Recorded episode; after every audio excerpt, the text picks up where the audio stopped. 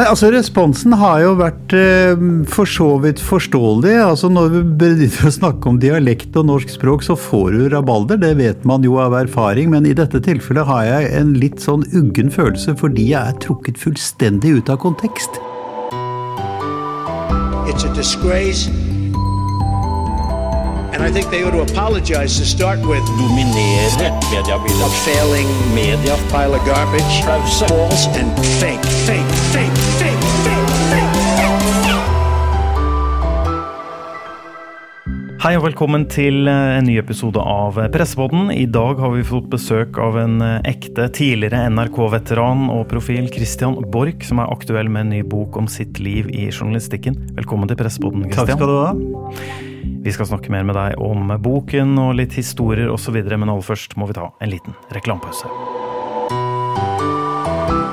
Visste du at du enkelt og effektivt kan sikre relevante nyheter skreddersydd for områdene du dekker, rett i innboksen din?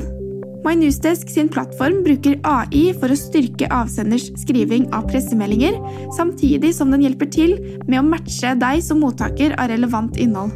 AI har kommet for å bli, så hvorfor ikke utnytte det? Gå til mynewsdesk.no og les mer. Ja, Christian Borch. Eh, For ordens skyld, for de som eventuelt ikke skulle vite det, du jobba altså i NRK i 36 år, kanskje det du er mest kjent for da, naturlig nok, før du gikk av med pensjon i 2014. Journalist, programleder og mest kjent som eh, Dagsrevyen-anker da, i, i mange år. Og nå, i disse dager, som det heter, så slipper du eh, boken med tittelen 'Bak kulissene minner fra et liv i journalistikkens skarpe ende'. Hva slags bok er det her, Kristian? Hva, Ja, det hvorfor ville du, du skrive jage, det? du kan jaggu spørre. Det er ikke noe enkelt svar på det der, faktisk. Det er jo en slags biografisk bok. Eh, Jeg har skrevet i jeg-form. Det har jeg aldri gjort før. Jeg har skrevet en 15-20 bøker, tror jeg, og de er jo da veldig saklige, holdt jeg på å si. Dette her er jo et subjektivt eh, blikk på det hele. Bakgrunnen for det er at min redaktør i Cappelen mente at det var riktig at jeg skrev om en del av de episodene jeg hadde sittet i med begge beina opp gjennom årene, som senere er blitt historie, og som jeg så fra andre vinkler enn det som ble de offisielle eh, beskrivelsene av hva som skjedde. Det gjaldt i særlig grad sikkerhetspolitikken, nedrustningen, den kalde krigen og hele den utviklingen der, som jeg var veldig, veldig tett inne på. Men det gjaldt også forhold som det som skjedde i Polen, altså det som førte til Berlinmurens fall by and large, og Midtøsten. Jeg satt ganske tett på Israel. Altså Midtøsten var et sånt sidefenomen for meg. Og så var det europeisk politikk som var også, ja, ganske ofte annerledes i sin making enn det du fikk inntrykk av i det ytre rom. Mm. Og for de som ikke har eh, studert historie nødvendigvis, eh, dette er jo da Nå, nå snakker vi 80-tallet først og fremst. Vi snakker fra kan du si, 30-årsperioden fra 1980 til 2010. Og når jeg velger akkurat det, så er det fra 2010 tror jeg det begynte å skje ting som viste seg at mye av det som ble satt i gang på 1980-tallet, ikke burde vært satt i gang, for å si det sånn. I hvert fall vært justert og kontrollert på en annen måte. Alle historiene må man jo selvfølgelig da lese boka for å få, jeg, det har jeg full forståelse for. Men hvis du kan si noe her, hva eh, Ja, for, altså hva får leserne i, i denne boken, Kristian? Du kan velge ut Ja, noen historier. Ja, akkurat. ikke sant? Hva skal jeg si om det? Det jeg håper, er jo punkt én at jeg har greid å skrive på en sånn måte at folk føler at de blir dratt inn i det. At de kan koble seg til. Og jeg tror at et element der er at jeg opplevde veldig tidlig at politikken har et følelsesmessig element som ofte blir borte i den praktiske, nøkterne måten vi snakker om tingene på. Det som skjer nå i våre dager, er jo f.eks. opprøret i Frankrike mot en veldig logisk eh, pensjonsreform. Å gå fra 62 år til 64 år er bare økonomisk sett helt naturlig, helt logisk, og det avføder en protestbevegelse som er nærmer seg borgerkrig. Hvorfor? Jo, simpelthen fordi at man har altså ikke greid å ivareta den trygghetsfølelsen som etterkrigstiden skapte når det gjaldt eh, sikkerhetsnettet under borgerne. Velferdsstaten fungerer i praksis ikke.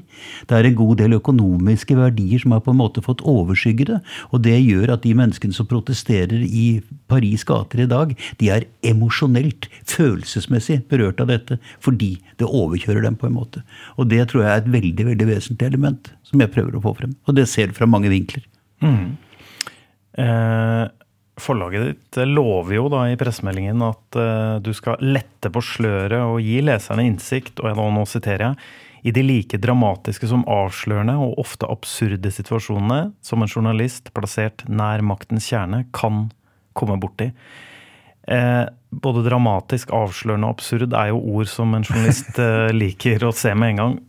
Kan du fortelle noe om Jeg, jeg synes kanskje de absurde situasjonene hørtes jo først og fremst litt interessant ut. Er det no, noen spesielle hendelser eller noe du kan fortelle om? Det som preget 80-årene sterkest, i hvert fall første delen av dem, det var jo at det var en forferdelig farlig situasjon i øst-vest-forholdet.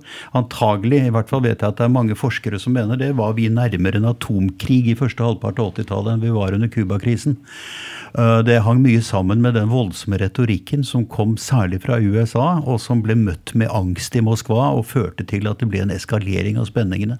Det de av oss som satt veldig tett innpå dette så, var at det var vikarierende motiver som drev frem mye av måten tingene ble forklart på i Washington. Veldig mye økonomiske interesser. Det var veldig viktig å få opp et trusselbilde som gjorde at du fikk økte bevilgninger til Forsvaret. På det tidspunkt så begynte amerikanerne med satellittoverførte pressekonferanser. Det var noe helt nytt. Da var det sånn at vi i de europeiske Nato-hovedstedene ble invitert noen grupper av sikkerhetspolitiske journalister. Og så satt vi og hørte Pentagon fortelle om The Soviet Military Power, som var altså en redselshistorie uten sidestykke. Og så satt da forsvarsminister Kaspar Weinberger og svarte på spørsmålet etterpå. Og det var en studie i pompøsitet som nok ikke slo an slik det var ment i Europa, og som fikk mange til å le. Dette skjønte da den amerikanske ambassadøren i Oslo. Han ba meg en kveld komme ned i ambassaden og snakke om det, for at han kunne gi en input tilbake. Jeg svarte at det kan jeg dessverre ikke i kveld, for jeg skal til Wien i morgen tidlig, men jeg kan slå ned noen momenter for deg på et ark. Og så gjorde jeg det, leverte fram omtrent fire tettskrevne sider da jeg fløy av gårde til Wien morgenen etter. Uken etter det igjen så var jeg invitert til frokost i den amerikanske ambassaden. Og da jeg sto der og liksom i god dag, god dag, så kommer altså Kaspar Weinberger gående ned trappen fra gjesteleiligheten i annen etasje. Og jeg kjente et intenst ubehag og en følelse av angst. Og da ambassadøren så går bort til ham og sier Kaspar, hi. Meet the guy who wrote that note I gave you last night. Så skjønte jeg altså at fyren hadde gitt Kaspar Weinberger min redselshistorie om ham som kveldslektyre. Jeg kjente jeg skrumpet som en sviske der jeg sto. Så det var en del sånne episoder rent konkret, da. Hva var det, hva var det dere snakka om da, når du hilste på han for øvrig? Altså, Nei, hva var det han sa til deg? Nei, jeg tenkte, altså Fyren måtte jo da kan tydelig knuse meg, men han bare så på meg helt stille, helt uttrykksløst, og så sa han 'Interesting piece. Enjoyed it'. Og så gikk han videre. Og da tenkte jeg at enten har han ikke lest det, eller så er det her altså bare rett og slett en politiker og forretningsmann. Han var jo begge deler, som vet at man skal uttale seg klisjeer for å komme seg videre. ikke sant? Og det gjorde han. Han var en pro på Ja. godt norsk. Ja. Ehm, vi kunne jo brukt hele episoden på å snakke om eh, andre minner. Jeg vet ikke om det er noe annet du har lyst til å Vi skal gå litt videre og snakke om NRK-karrieren din også, Christian. Men er det noe annet Ja, altså det som, det som for, for meg var det mest interessante, var at jeg studerte i London og i- var liksom midt i de kaotiske 70-årene, som da førte til at man ville ha orden i politikken og valgte Maggie Thatcher. Og det som skjedde med Maggie Thatcher, var jo et politisk paradigmeskifte, altså et så fullstendig skifte at det kom til å påvirke europeisk politikk i lang tid etterpå. Det endret holdninger, det endret synet på øh, den kollektive samvittighet som var, hadde preget perioden før dette ganske grundig, og du merket en endring i folks prioriteringer, også i synet på seg selv og sin egen måte å være på. Det ga fritt spillerom for kapitalen. Det var sikkert ikke så gærent, for den hadde jo vært ganske lukket, men det ble kanskje litt for fritt. Og du så jo etter hvert at det endte med at kapitalen i stor grad kom til å diktere politikken på sine egne premisser over hodet på politikere i stor grad. Så jeg må si at akkurat de kunnskapene og det synet på å leve så tett på det Og jeg bodde veldig mye i London også etterpå. Det, det, det var en, øh, ja, en ganske interessant opplevelse. Også de virkningene det hadde på pressen, da, som vi jo kan komme tilbake til. Mm, Ja, da var jo det godt oppspill. nevn noen eh, måter det har påvirka på, sånn som du Altså ser det? det, det som skjedde, var jo at markedsmekanismene fikk betydelig større innflytelse på utviklingen av samfunnet generelt enn det du hadde hatt før. Og vi så jo at eh, Maggie Thatcher inngikk en ganske grundig avtale med Rupert Murdoch, som var den store eier av media. Ikke sant? Ikke bare aviser, men også de, de nye fjernsynsstasjonene som kom osv. Og, så og den avtalen har vært eh, atskillig mer omfattende og mer toneangivende enn vi forsto den gangen. Eh, Man endret reglene for hvem som kunne eie medier. Og det førte jo da til at normale aksjonærer, som stort sett bare investerer for å bli rikere enn de var i går, ble dominerende. Og det gjorde jo at du fikk altså en sterk eh, kommersialisert profil på veldig, veldig mange media. En eh, profil, vil jeg si, hvor altså markedskreftene blir kanskje mer dominerende i vurderingene enn normale journalistiske kriterier. Og dette gjorde at pressen i veldig stor grad ble forandret i løpet av de årene som gikk etter dette. Mm. Ja, for da, dette er jo 80-tallet vi snakker. eh, Jo, men det fortsatte jo å akselerere innover. altså Det har jo en selvgenererende effekt, dette her. Når var det du så, når var det du sjøl oppdaga disse, sånn som du opplevde de? Vi så det ganske fort. Det var en, en uh, god kollega i The Guardian som skrev en bok som het uh, The Flat Earth News, som var den første virkelig revolusjonerende gjengangen av alt dette her. Jeg hadde han med meg på Scoop-konferansen i Tønsberg et år, og det var ganske uh, rystende, fordi det han gjorde, var å sette ord på noe som de aller fleste hadde sett. Hvor altså kjendisjournalistikken, hvor egojournalistikken, hvor eh, materialismen, den personlige materialismen, ble satt i høysetet fordi den solgte og skaffet inntekter.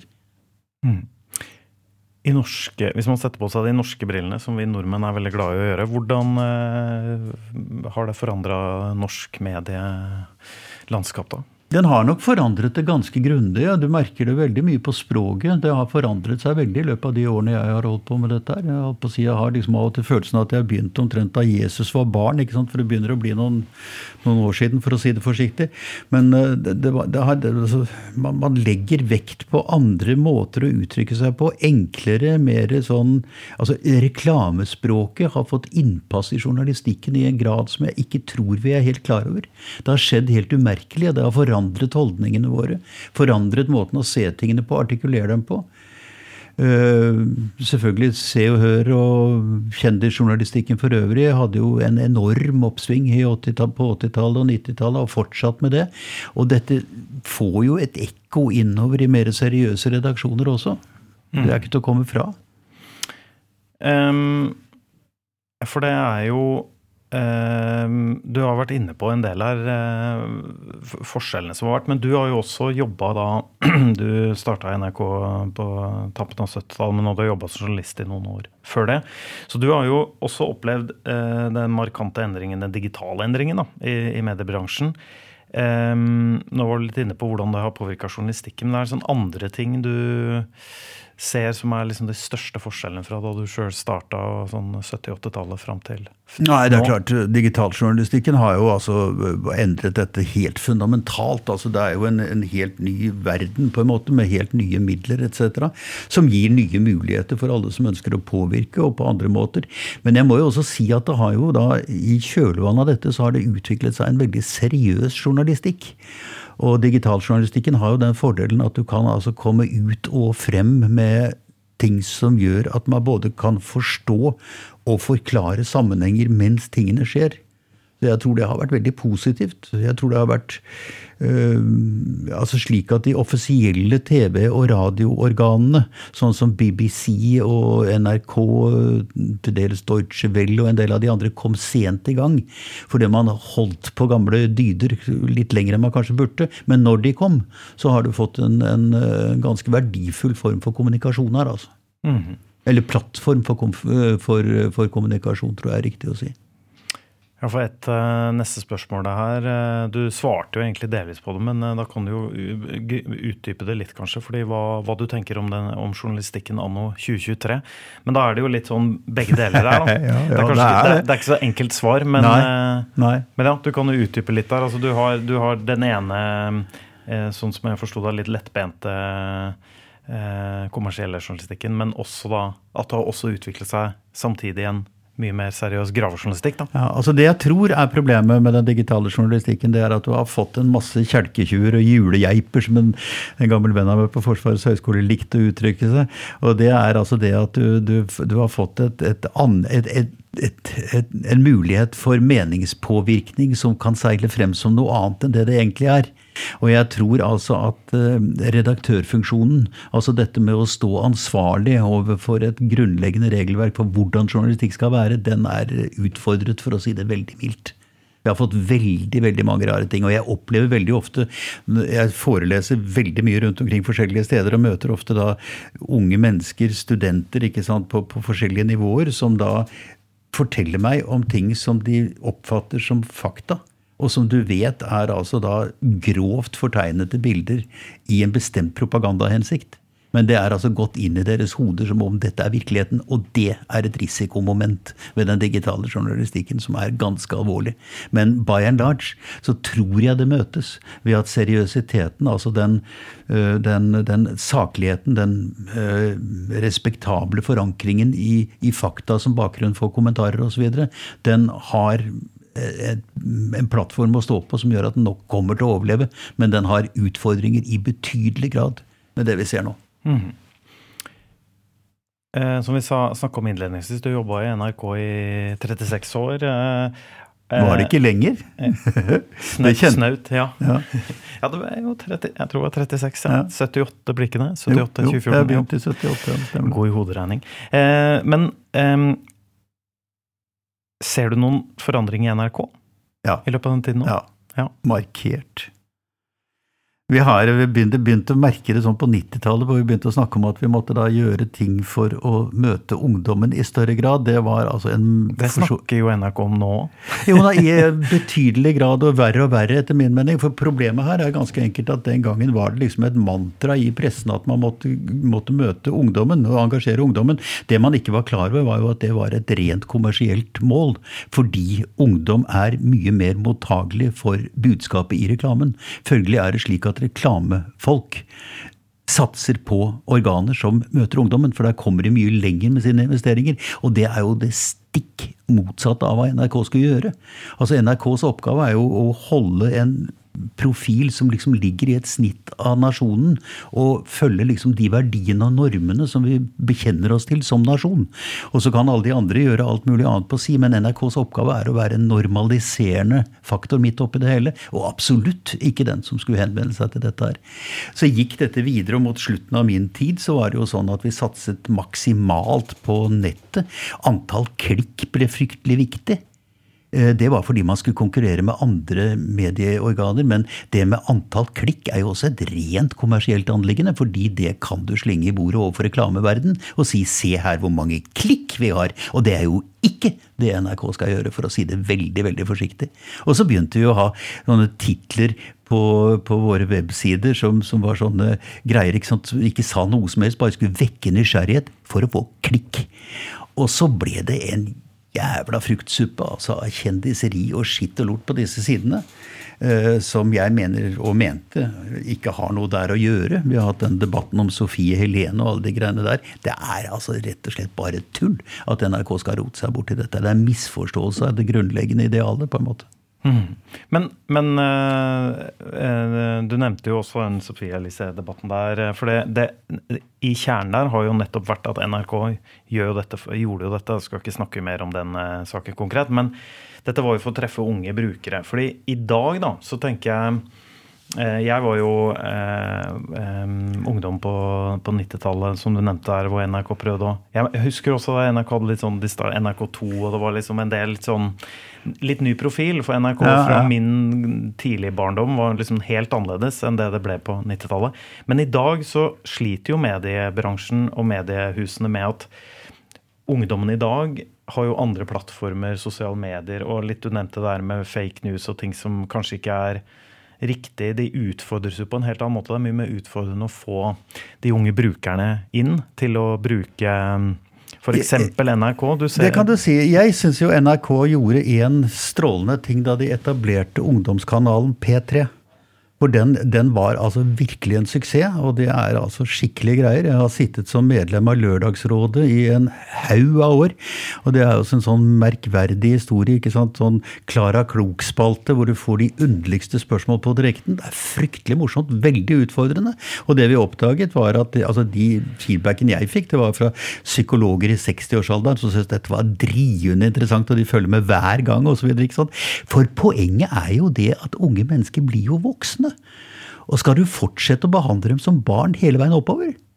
Poenget er at du må altså ha en verden de kan vokse inn i, en plattform å stå på, og så vokse videre. Og det er NRKs oppgave, mener jeg da.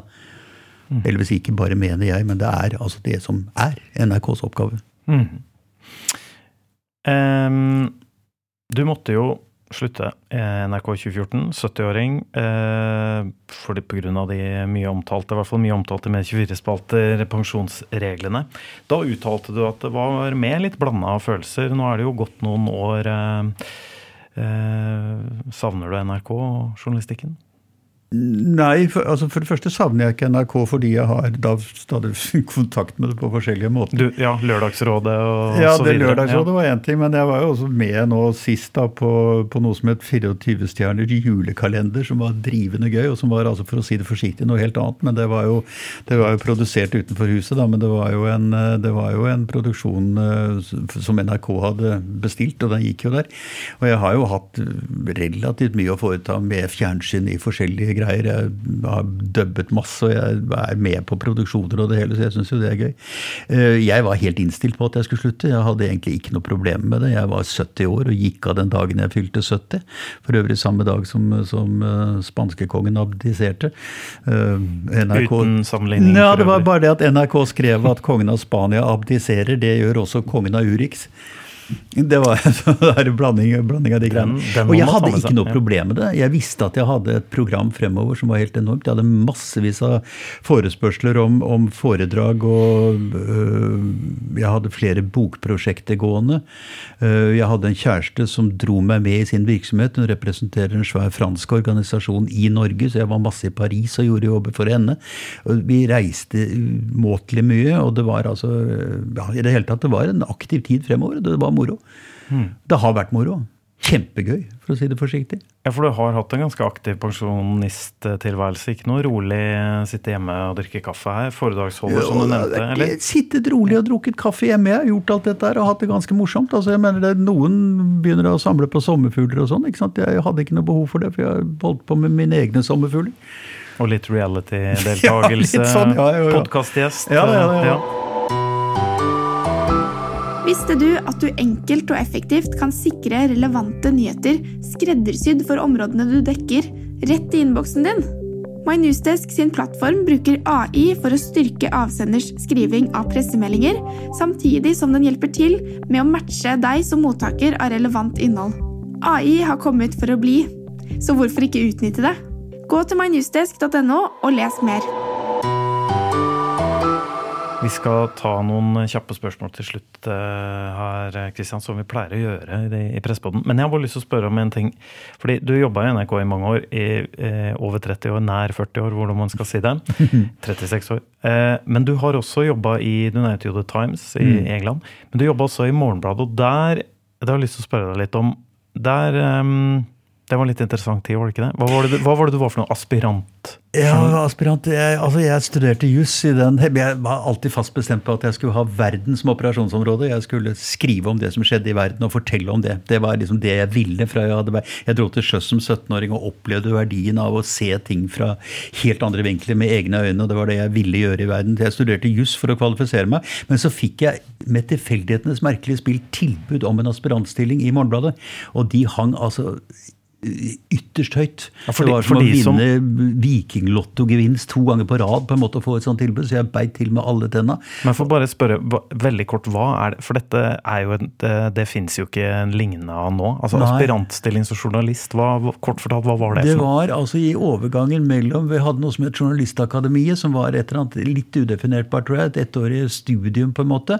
Og så gikk det jo over til å bli et universitetsstudium etterpå. altså du, Hvor du kunne ta mastergrad og det hele. Det hadde du ikke i den perioden jeg begynte, men du hadde en avtale om aspirantstilling. Og jeg tror det er det beste fag- og forskole jeg kunne fått. altså. Morgenbladet hadde et ekstremt høyt selvbilde og anså seg selv for å være det viktigste i verden, men var helt bankerott. Altså Økonomien var skrapt inn til beinet, og journalistaspiranten utgjorde da liksom en stab på 20 personer. ikke sant? Jeg dekket alt fra trafikkulykker og branner og åpning av nye kolonialbutikker til opprettelsen av en norsk skjortefabrikk i Portugal og skipsforsikring i London. Jeg kjørte Alfa Romeos sportsbiler i 220 km i timen rundt Salerno i ti dager. Jeg spiste lunsj med Alfred Hitchcock, middag med Gina Lollobrigida. Jeg måtte til og med dekke forlovelsen mellom Sonja og Harald i 1967 fordi jeg var den eneste som hadde slips på i redaksjonen den dagen, osv. Jeg, tror, jeg tror ikke det går an å lære journalistikk håndverksmessig på en bedre måte enn det jeg ble slengt ut i der. Ja. Mm. Arbeidsdagene var liksom på 24 timer. ikke sant? Jeg tjente jo knapper og glansbilder, men det var, det var fryktelig morsomt. Livets harde journalistskole, med andre ja, ord. Nettopp. Rubba nesen din inn i dette her. Altså. For dette var tampen av 60-tallet? Dette var i perioden, kan jeg fortelle deg, ganske nøyaktig fra 1965 til 68. Han har flyttet til London for å studere på LSI, altså London mm. School of Economics. Mm. Eh, jeg tror kanskje Morgenbladet er litt, eh, litt mindre cowboy nå, men eh, de Ja, jeg vet ikke. Det, det har gått litt opp og ned, det. Ja. Da tar vi de kjappe spørsmålene, Kristian. fordi jeg kjenner at vi kunne eh, Men vi har gått over 20-minuttersmerket her nå med god margin, så vi kunne ha sittet i dobbelt så lenge, tror jeg. Men eh, eh, da får folk heller kjøpe boka og lese, lese mer om historien her. Nemlig! Der fikk jeg sagt den. eh, eh, helt til slutt. Fire kjappe spørsmål. Er du klar? Ja. Christian Borch, får du med deg mest nyheter på TV, radio, nett eller papir? Det er nett. I noen grad på TV. Mm, ikke noe papir? Fast?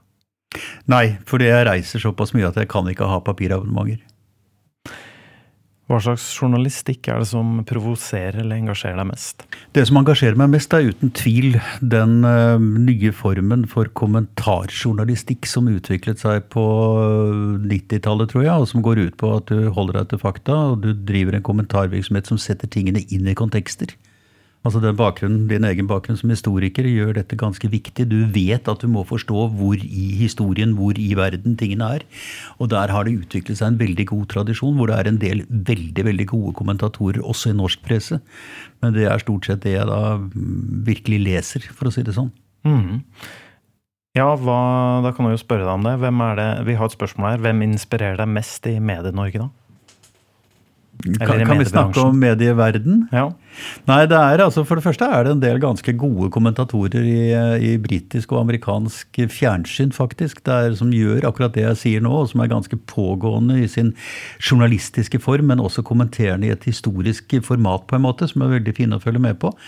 Eh, en god del av de som er faste spaltister i f.eks. New York Times, har jeg stor respekt for. Det er en som heter Thomas Friedman, som er djevelsk god på Midtøsten, annet, og som kan miljøvernspørsmål i et globalt perspektiv bedre enn de fleste. Og der får du mye mer innsikt i fakta og bevegelser enn du gjør ved å pløye deg ned i faglitteratur, tror jeg. Mm. Helt til slutt, uh, i dine øyne, Christian Borch, hva er de beste egenskapene en journalist bør ha? wow. Han må for det første ha en betydelig grad av nysgjerrighet. Han må øh, ha et anlegg for empati som går utover svært meget, fordi det er ikke intellektet som styrer verden, det er i stor grad følelser og reaksjoner. Han må, og det er jeg redd mange har glemt, han må være i stand til å uttrykke seg så han virkelig blir forstått, og det må være hovedoppgaven. Det er helt klart at det må være altså viljen til å skrive og formulere seg på en måte som engasjerer og bringer folk inn i det du skal fortelle, er det instrumentet du arbeider med, og det bør ha veldig, veldig høy prioritet. Og så bør du ha et anlegg for det, tror jeg.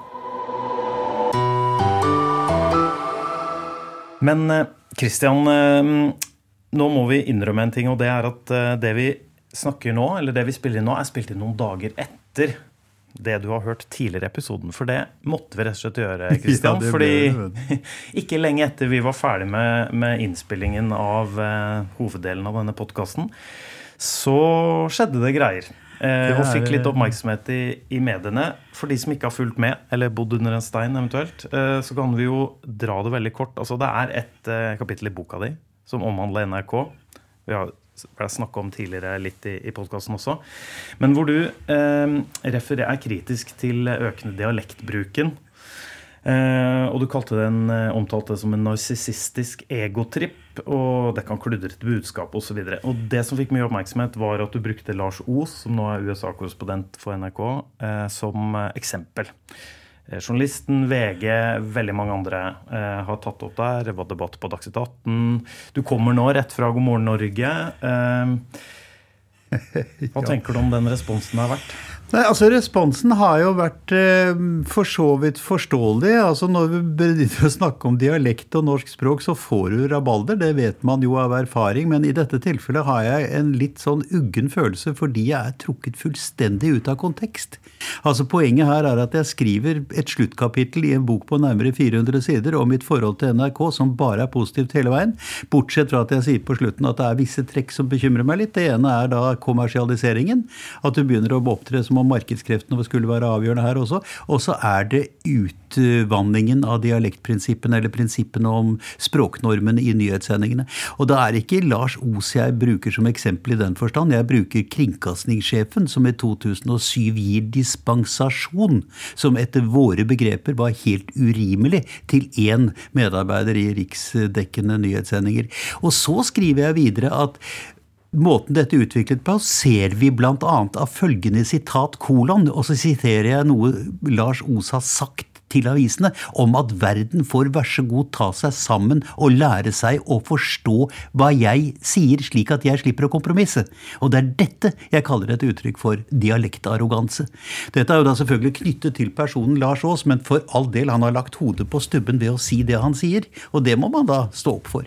Så jeg syns synd på ham i og for seg. Jeg kjenner ikke mannen i det hele tatt, men det er klart at, eh, at når han da selv føler seg uttenkt og blir presentert som uttenkt, så virker det jo sånn. Men det er jo ikke det. Det er jo argumentet jeg tar fatt i. Ja, for Det er det jo veldig mange som har kritisert deg for. Nettopp dette angrepet på han direkte. Du, du har jo avvist at det, det var ikke det som var meningen din, men men du forstår at det fremstår sånn? da? Du har, gått på, du har jo gått på mannen og ikke på ballen.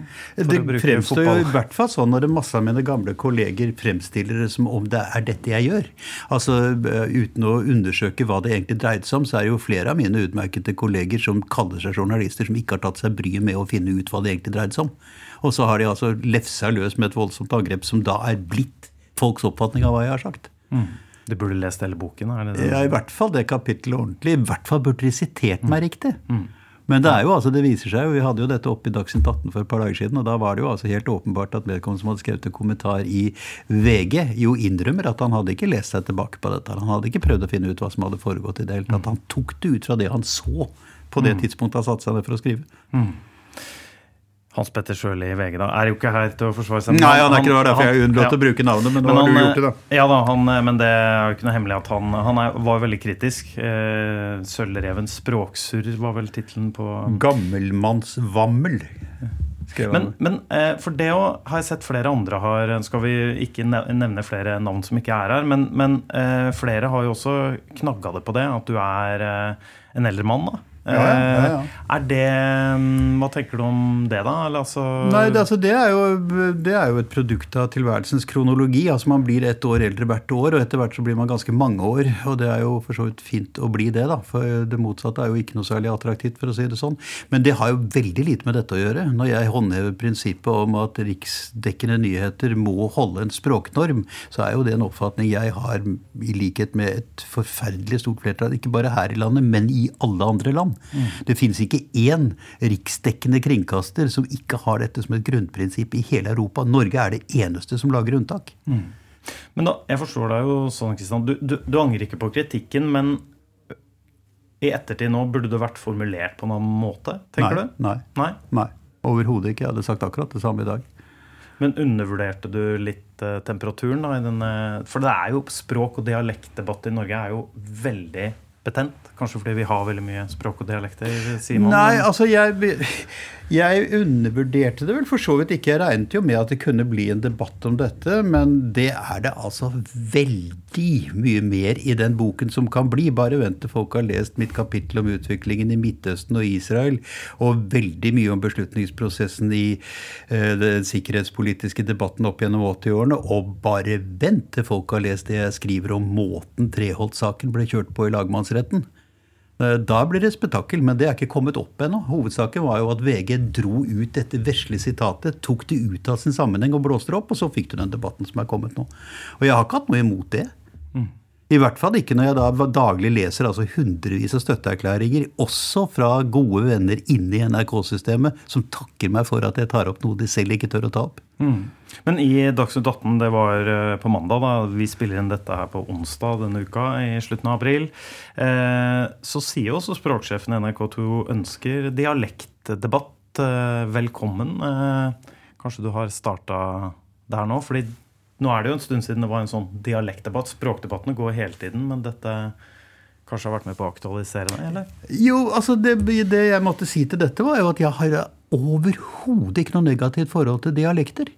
Altså For all del, det vrimler av programplattformer både i radio og fjernsyn hvor dette bør få lov å komme til uttrykk og i alle retninger. Men det er altså kun én ting jeg snakker om, og det er hovedspråket, det normative språket, som skal danne bærebjelken i språkforståelsen i en nasjon. Den skal ikke tukles til med ting som ikke følger de vedtatte normene. Og det har ikke noe med alder å gjøre. altså Dette har med prinsipper å gjøre. Jeg tror ikke jeg hadde ment noe annet om jeg var 21, for å si det sånn. Eh, men en ting, Christian, som du også fikk spørsmål om på Dagsnytt 18, for så vidt. For i boka så eh, skriver du at du nesten ikke har sett på Dagsrevyen siden Ja. du slutta i 2014.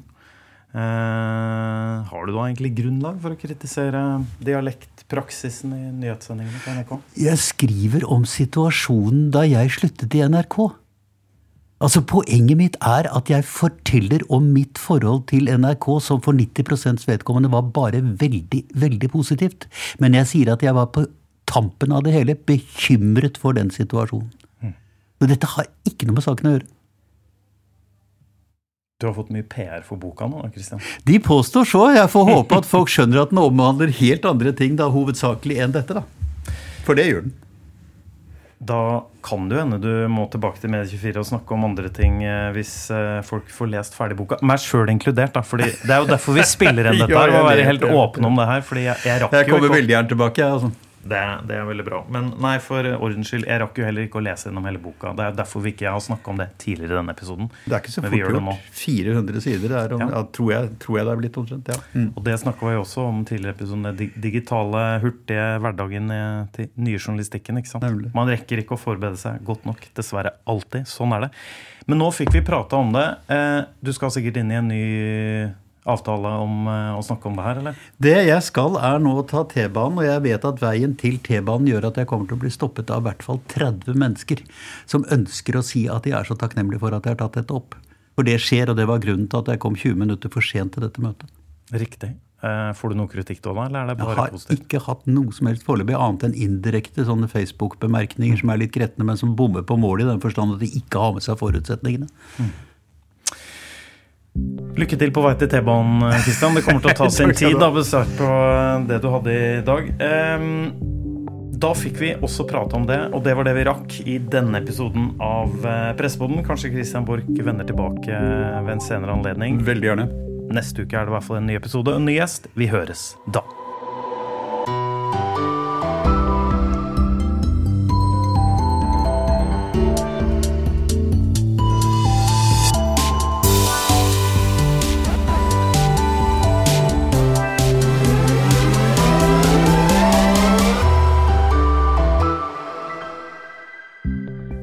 Du at du enkelt og effektivt kan sikre relevante nyheter skreddersydd for områdene du dekker, rett i innboksen din? MyNewsDesk sin plattform bruker AI for å styrke avsenders skriving av pressemeldinger, samtidig som den hjelper til med å matche deg som mottaker av relevant innhold. AI har kommet for å bli, så hvorfor ikke utnytte det? Gå til mynewsdesk.no og les mer.